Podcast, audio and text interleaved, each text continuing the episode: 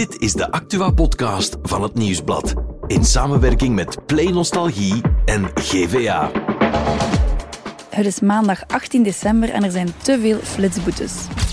Er is ingebroken bij Kevin De Bruyne. En één jaar nadat Nicole van Hugo overleed, staat ze virtueel terug aan zijn zijde. Goedemorgen, morgen. Ik ben blij. Maar in deze Insider hebben we het eerst over spionage door Vlaams Belang. Wat ligt er op straat en wat zijn de gevolgen voor de partij? Mijn naam is Eline van de Gehuchten en dit is de Insider.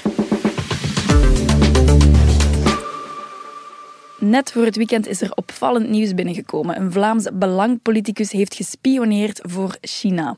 Bij ons in de studio zit politiek journalist Pieter Le Saffer. Die weet daar meer over, hoop ik. Dag Pieter.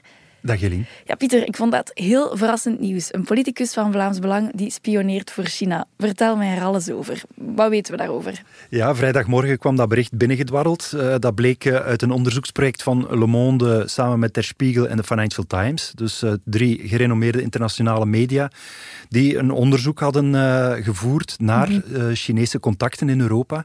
En die zijn op berichtenverkeer gekomen tussen een Chinese spion en Frank Krijlman, gemeenteraadslid voor Vlaams Belang in Mechelen. Ja, wel nog even over die buitenlandse media. Mm. Opvallend wel dat het allemaal van het buitenland komt en niet van bij ons. Wij hadden daar geen aanleiding toe om daarmee bezig te zijn? Nee, voor zover ik weet waren hier binnen de Vlaamse media uh, geen enkele uh, aanwijzing of hing dat in de lucht op een of andere manier. Dat is uh, vrijdagmorgen als een verrassing gekomen hier. Ja, maar natuurlijk hebben wij ons ook meteen verdiept in dat mm -hmm. dossier.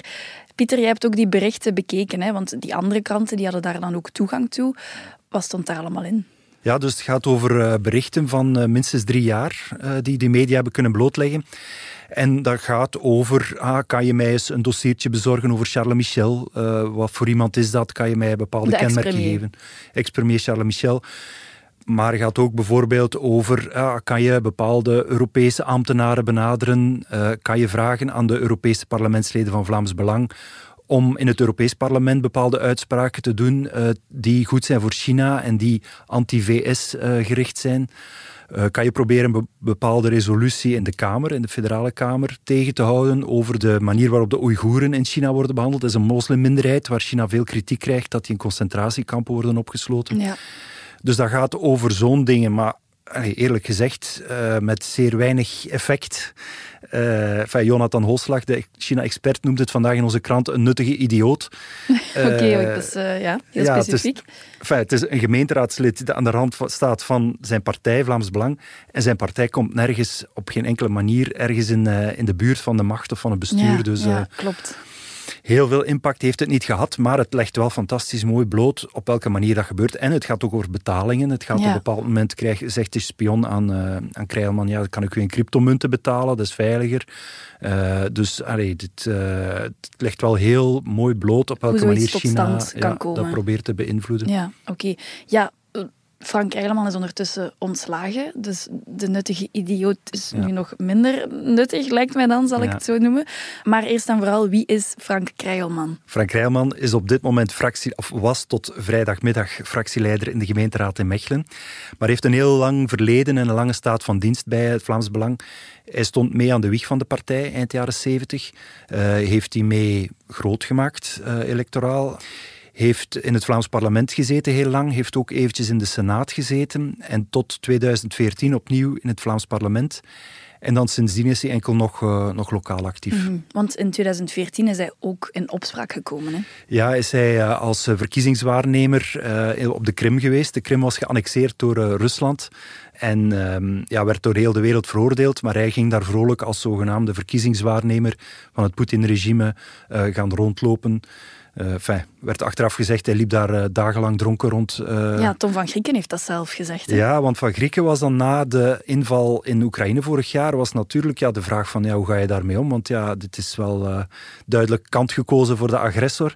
En Van Grieken heeft toen heel scherp gereageerd op uh, Krijlman en heeft gezegd, ja, hij is een schande voor de partij en hij uh, zou beter de eer aan zichzelf houden. Maar hij wilde toen nog niet zo, hij durfde niet zo ver gaan om hem echt uit de partij te zetten.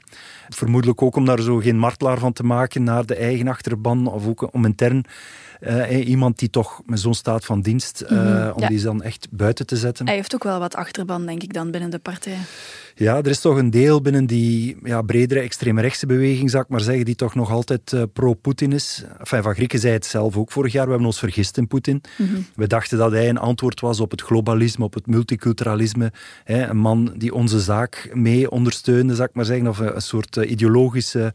Maar dat was, was voor de oorlog natuurlijk. Ja, wel. En dan is dat inderdaad, uh, hebben ze dat duidelijk afgezworen. Ook Philippe de Winter heeft toen gezegd van, ja, nee, dit is dit is te ver. Uh, we verbreken de banden of toch de sympathie voor, uh, voor Poetin. Ja. ja, maar nu is het, uh, ja, de Chinese spionage ja. ook naar boven gekomen en is de schande dan toch te groot geworden. Ja, het staat zwart op wit, heel duidelijk. en zeker ook die betaling voor een partij die altijd kritisch is over China.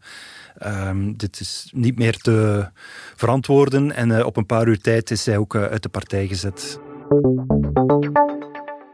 Pieter, hoe reageert de partij daar nu allemaal op, op dat nieuws? En, en wat zegt Tom van Grieken? Ja, dus de partij heeft uh, Frank Rijman per direct uit de partij gezet, zijn lidkaart ingetrokken. Uh, en Van Grieken probeert nu intussen ook wat de aandacht af te leiden om te zeggen van ja, uh, Van Tichelt, de minister van Justitie en premier De Croo wisten dat al langer en het is een schande dat ze dat niet gecommuniceerd hebben of maar voor was zich dat houden. zo? Wisten zij dat? De Croo laat dat toch uitschijnen in zijn, in zijn reactie dat hij daar inderdaad van op de hoogte was. Maar ja, enfin, ik weet niet wat daar de afspraken over waren, maar uh, dergelijke informatie is meestal niet echt bedoeld om... Ja, uh, wordt niet meteen publiek nee, gemaakt. Voilà, ja. Oké. Okay. En ja, we zitten ook in een belangrijk verkiezingsjaar, dus is de impact op het Vlaamse Belang hiervan voelbaar, denk je? Ja, we zullen afwachten wat het uh, nog verder geeft, maar het is natuurlijk vervelend. Hè. Hoe dichter de verkiezingen komen, hoe, hoe nerveuzer en vervelender dat is voor, voor de partij. Ja. Um, Frank Rijlman, ja, die is uit de partij gezet, maar dat hoofdstuk is daarmee niet afgerond, want hij heeft natuurlijk ook nog een broer die wel in het parlement zit. Ja, dus Steven Krijlman is zijn jongere broer en die komt ook voor in de berichtjes die uh, zijn uitgelekt, uh, waarin uh, de Chinese spion op een bepaald moment vraagt om via zijn broer iets te proberen te ja, beïnvloeden. Ja. Misschien een iets nuttiger persoon. Ja, dan. ja inderdaad. En waarop dan Frank Rijlman zegt, ja, maar hij is nogal soft, ik weet niet of dat gaat lukken, maar ik zal toch eens zondag, vermoedelijk dan op een familiebijeenkomst, ja, toch eens proberen. Ja. Steven Krijlman is niet zomaar een parlementslid, is ook voorzitter van de commissie Leger aankopen. Waarin toch, uh, ja, toch strategisch belangrijke uh, zaken en dossiers worden besproken die mogelijk wel voor een spion wel interessante informatie ja, dat is, kunnen dat is opleveren. militaire informatie, dat lijkt me dan wel nuttiger voor China. Ja, inderdaad.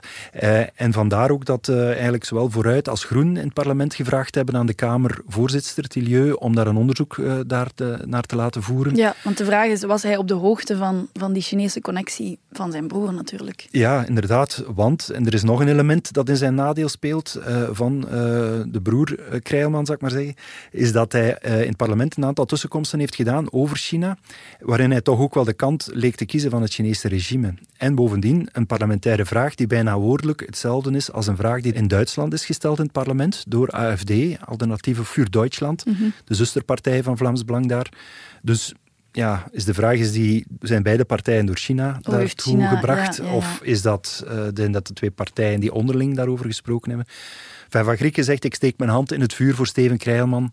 Uh, maar dat is nog zeer af te wachten of, dat, uh, of hij dat kan volhouden. Ja, oké, okay, dus wordt vervolgd ongetwijfeld.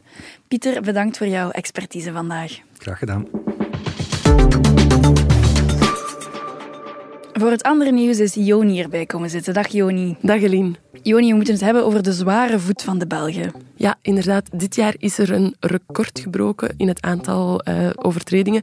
Maar liefst 6,2 miljoen. Dat zijn er gemiddeld 17.000 per dag. Oeh, dat zijn er en, veel. Ja, de kans is zelfs groot dat er dit jaar nog veel meer worden, omdat er meer trajectcontroles zijn geweest. Maar daar stopt het probleem niet. Nee, de computers kunnen het niet aan. Ze zijn mentaal te zwak. Ja, zoiets. En de FOD Mobiliteit krijgt nu honderdduizenden euro's van de regering om zwaardere servers aan te schaffen. En dan hopen ze dat het allemaal opgelost wordt. Maar misschien iets minder snel rijden zou ook een goede oplossing zijn, natuurlijk. Inderdaad. We moeten het ook hebben over Kevin De Bruyne. Ja, er is ingebroken bij hem in zijn huis in Bolderberg in Limburg. Oké, okay, en Was hij daar ook? Want die speelt natuurlijk bij Manchester City, dus ik vermoed dat hij ook veel daar is. Nee, hij is op dit moment zelfs in Saoedi-Arabië. En dat is waarschijnlijk de reden waarom de dieven hebben kunnen toeslaan.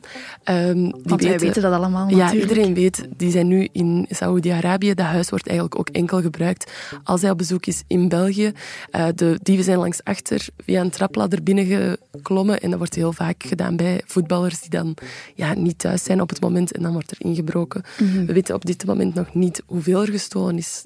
Um, want er moet nog een inventaris opgemaakt worden. Ik heb wel een beetje een Home Alone beeld nu. Zo. Een Ja. trapladder tegen de gevel zetten en dan via het raam naar zoiets.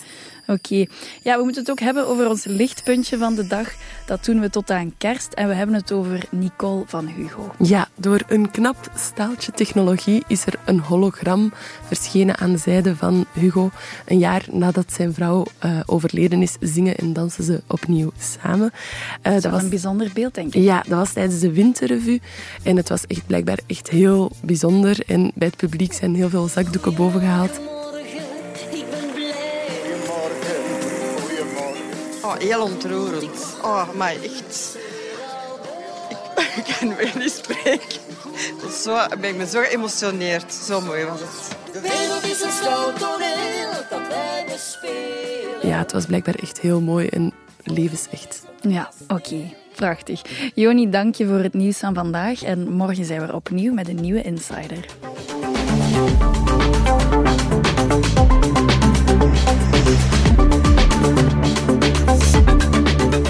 Was The Insider, een podcast van het Nieuwsblad in samenwerking met Play Nostalgie en GVA. De muziek is van Pieter Santens. De montage gebeurde door House of Media.